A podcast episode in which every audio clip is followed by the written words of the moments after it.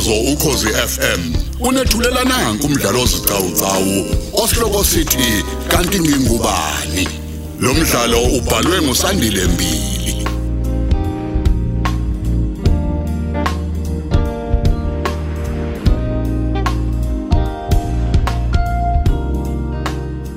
Lalela isiqephu seshumi 9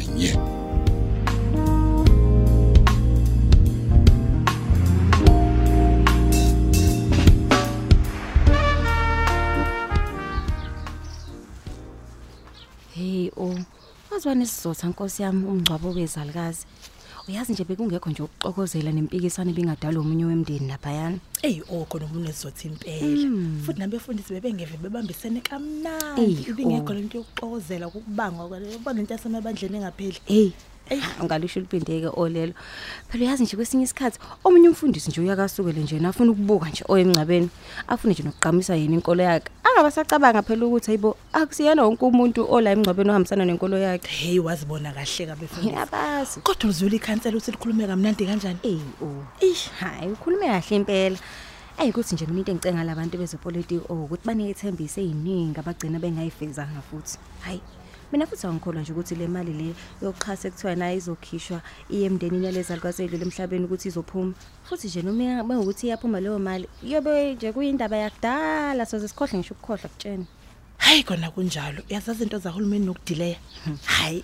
Wena oh lalela okumele ukwenze nje ukuthi ugqugquzele uSimphiwe ukuthi asheshe afake imali yesinqophezelo akukho kunye. Mm. Hayi mina ngibona ukuthi uzoyithola kwaleyo mali mina uSimpiwe. Hayibo kushiso yini manje Hayibo ambike iphi yamalume wakho uVusmusi? Hayibo oh usho lo bedakwenye amaphepha emncwabeni lo bhala kwiprogram ukuthi yena bezokhulumela umndeni kaGogo Masithole Hey. kodwa kwaze kaphoqa ukuthi uzokukhuluma uSimpiwe lo malume Ngisho Hayi, yena kahle, kanyeke oh. lo malume ngikutshele. Phela lo muntu uyambona nje ukuthi ugombela kwesakhe. Angingabazi nakancane ukuthi nayo uyibalile imali and ufuna ukuyithola kuqala ngithi le mali. hayi uSimpiwe phela kuzomela amhambele phambili angiyiboni mina inkinga lapho futhi hawu Asazi. Hawu. Nasi imoto zemndeni ishonelwe. Hawu. Sibuye emathuneni. izona ngempela Hayi kuyacaca ukuthi mhlambe phela sebeyodla manje mase kuyahlukana kuyiwe emakhaya. Mm, yazi kungenzeka ngempela oh. Hey, Kethiwe, angibuye ngikubone sisi ngoba vele nakho sengifikile nami la endlini yami. Bekumnandi okuhambisana nawe. Hayi kulungile surprise sobonana. Oh, lalela. Ya. Ngizocela bandla mangabe ubona umaqhinga, umtshene bandla ukuthi angifonele. Kade ngithi ngiyamzama ocingweni lakhe kodwa longifaka ku voicemail. Ngiyasola ukuthi uvele wayemncwabeni engalichargeile. Oh. Oh hayi khulileka mengimbona nje ngizokwenza isiqiniseko ukuthi ngiyamtshela.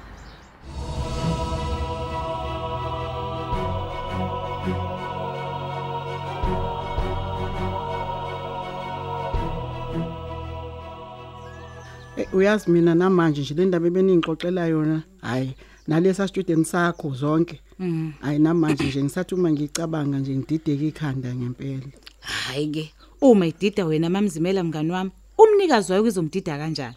Yena umkhwenyana wakwakho izomdida kanjani le ndaba?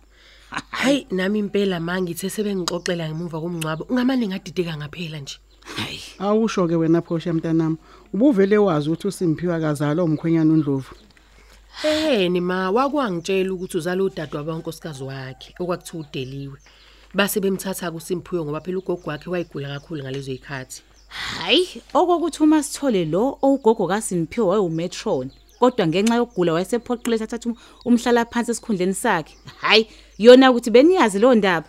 Hayi bengingakwazi ke lokho. Asazi. awusho ke phosha nawe sister Mkhonza eh nimisele ngokuthi le ndaba engaka nizoyigodla kuze benini ngempela kisho ngoba phela eh, nithe nozonke istudent sakho mamkhonza singaqale nje sithi vule indaba Hayi, mamzimela, mina ngisibona isidingo sokuthi ingavezwa le ndaba ayikhishwe.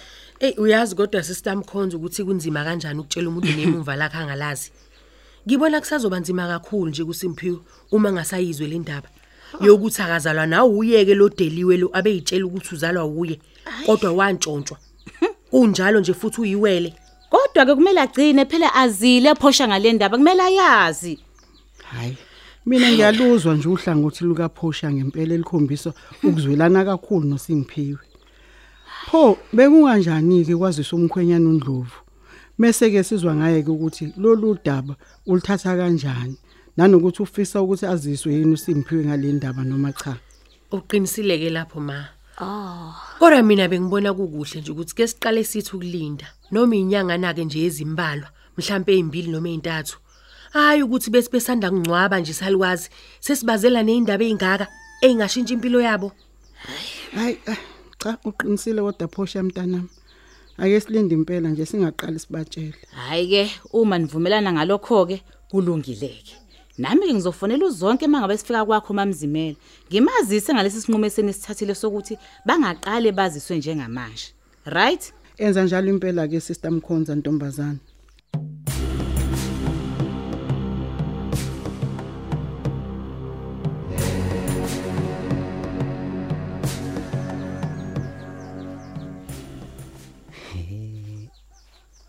uyazi ngendlela okwenzeka ngayo hayi ngingamfakazela umuntu ongangitshela ukuthi uNkulunkulu nje akangifuni nokungibona mina. Ay angiphathi ke nje eyamadlozi. Wona hayi angiflathele lokwangempela uyazi nalezi izinto engazinikwa udubula nje ukuthi ngizisebenzise mangiyofesa nazo ayi kuyafana nje angiboni zisebenza. Eh eh kusobala nje ukuthi kumele ngiphinde ngiphindele kuyena njengoba yeshilo ey ukuphinda kuyena kuyongisiza ukuze ezokwazi ukuthi ayongigeza lapha ya olwandle aphinde ke mhlawumbe anginikeze amanye amakhathakhatha angaba mhlambe nomsebenzi. Hleza abuya ngicaciseleke nangalento ayeyisho mayelana nabazali bami. Mm.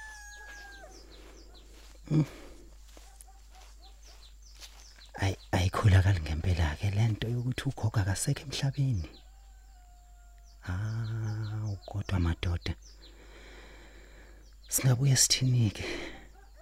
Okwenzekile kuyafana phela nokudaliwe kwayena ugogo bengasho njalo nje. Cha eh a- angisukume nami kulo veranda. Ngihambe ngiyokhulumula zonke lezi impahla engizigqokile. Ih. yabo lezi impahla bengizigqoke emngcwabeni ngeke angikhumule ngigqoke ezipholile ke manje.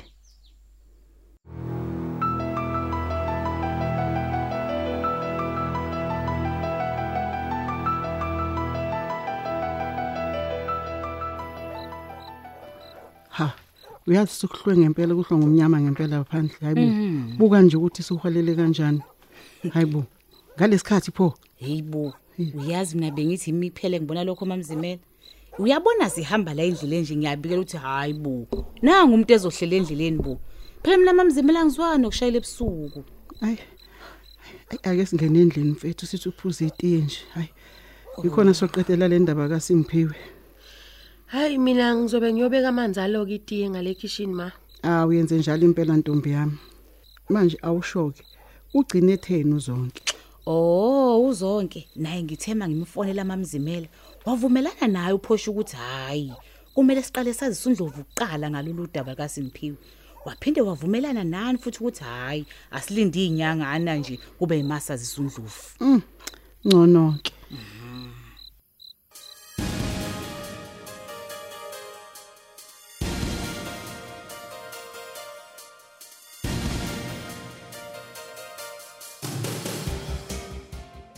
hayi ke kwakuhle ke ngoba usuvukile simphiwe awusho ulale kanjani kodwa ndoda? Hayi khona kulalekile baba. Lokho nje okungasho lutho. Ikhona nje ukuthi umuntu ube lokho ephenduphenduka ethathebeka nje ngempilo yakhe. Hayi indodana ngicela ukuthi ungacabangi kakhulu ngoba phela kwakona lokho kukodwa nje kungakufakela ukhwantalala. Simphiwe ngiyasazi isimo obhekene naso. Kodwa nami ke ngizosho njengoba bekuzosho ugogo wakho athi kubeke konke enkosini. Yenza kanjalo ke mfana wami. Hayi ngiyakuzwa baba. Kodwa baba kubuye kube nzima. Uyazi ngeke ngibone sengathi kwayona nje inkosi leyo. Ayinginaki hayi hayi hayi hayi simphiwe akukhulu nje kanjalo. Hayi. Sonke singaba kaNkuluNkulu futhi sonke inkosi sithanda isinakekela ngokulinganayo hayi mina Usukhuluma kodwa kanjalo. mina baba ayangiboni ngempela kanjalo.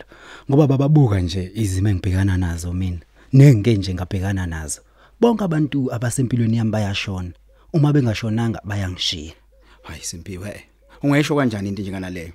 Angithi ngikhona nje mina nakho ngisaphila. Futhi ikhona le ntombazane yakanxele lo othandana naye ukhethiwe. Kanti nangu nomngani wakho weqiniso umaqhinga ukhona. Manje kukhalela kuphi ke? Mina baba ngikhuluma ngomndeni wami baba.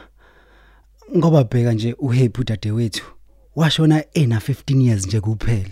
Emva kwalokho kwazoba uzanele le ntombazane yayiqashe lapha kwa- kwagcwensa. Yavele yakhipha ingane yami.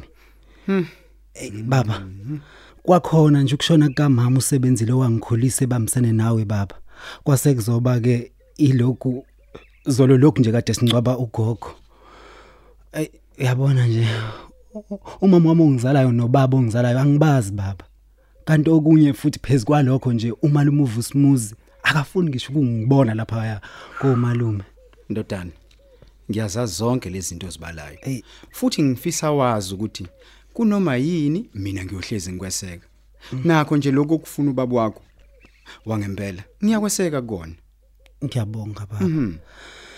Ngiyabonga kakhulu. Futhi baba ngifisa wazi ukuthi nanoma ngathi ubaba ngiyamthola angeke azasivala isikhala sakhe empilweni yami. Yena nje okwakhe ukuthi angibike kwabakubo mase ke mhlawumbe izinto ziyangilungela. Le eka mama ay yabo le yayishiwe isangoma yona ngisafuna ukuthi ngeke ngiyifake lesibuko kahle. Hayi kumele wenze kanjalo ke impela ke kuleyo uyazi mina ngingacishe ngivumelana nogogo wakho ukuthi eh udubula lo wayesedla imbumba ngempela ke ngesikhathi ekutshela ukuthi awuzalwa udeli udadewabo kankosikazi wami njengoba phela sazi sonke.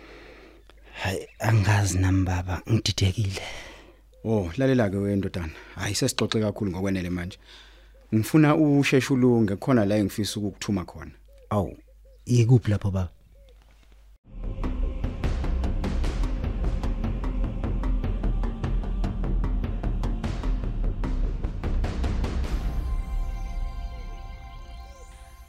hayibo khabe lento engiyibona le boxini lemezo kuTwitter wami injengoba ngicabanga yini? Hawe ma hawe ma ngase ngajabula. Hawe ma empeleni nje awuma ngaze ngamjabulela ubhebi wami bakithi. Awuthi ngimfonele khona manje. Uh, wangcono liyangena.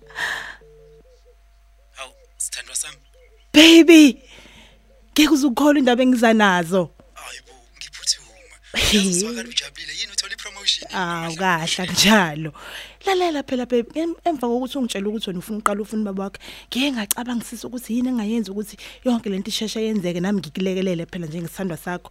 Ngavele ngacabanga ukuthi yazini angivele ngifake ipost einkundleni zokuxhumana ku Twitter wami la ku Facebook hayibo ya ya manje nje ngiyakutshela ngithi ngena ku Twitter wami ngibona umlezo ovela kumlisi othile nje othi usicebi igama uthi uyamazi cabanga baby udeliwe echelisa hayibo kethi uthini? Njengoba ngisho baby.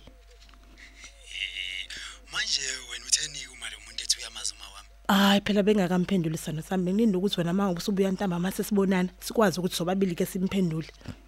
hayibo kethiwe mfethu usho ukuthi lo muntu lo kungenzeka yini ukuthi kube ubaba wami ngempela Ah beba kashongo phela kanjalo kodwa uthe yena udeliwe echilizi uyamazi. Futhi ha uthe wakwathandana ngisho nanaye. Cabanga. Eish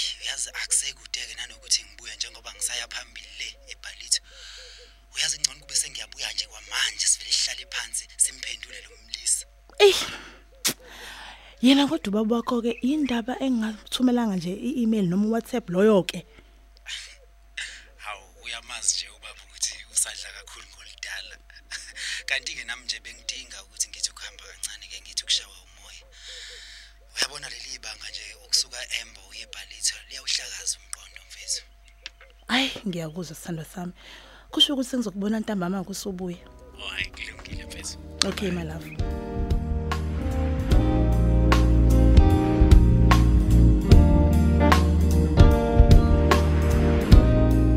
Asisibambe lapha isiqephu sethu sanamhlanje esithi kanti ngingubani? Osithulelwa ukhozi FM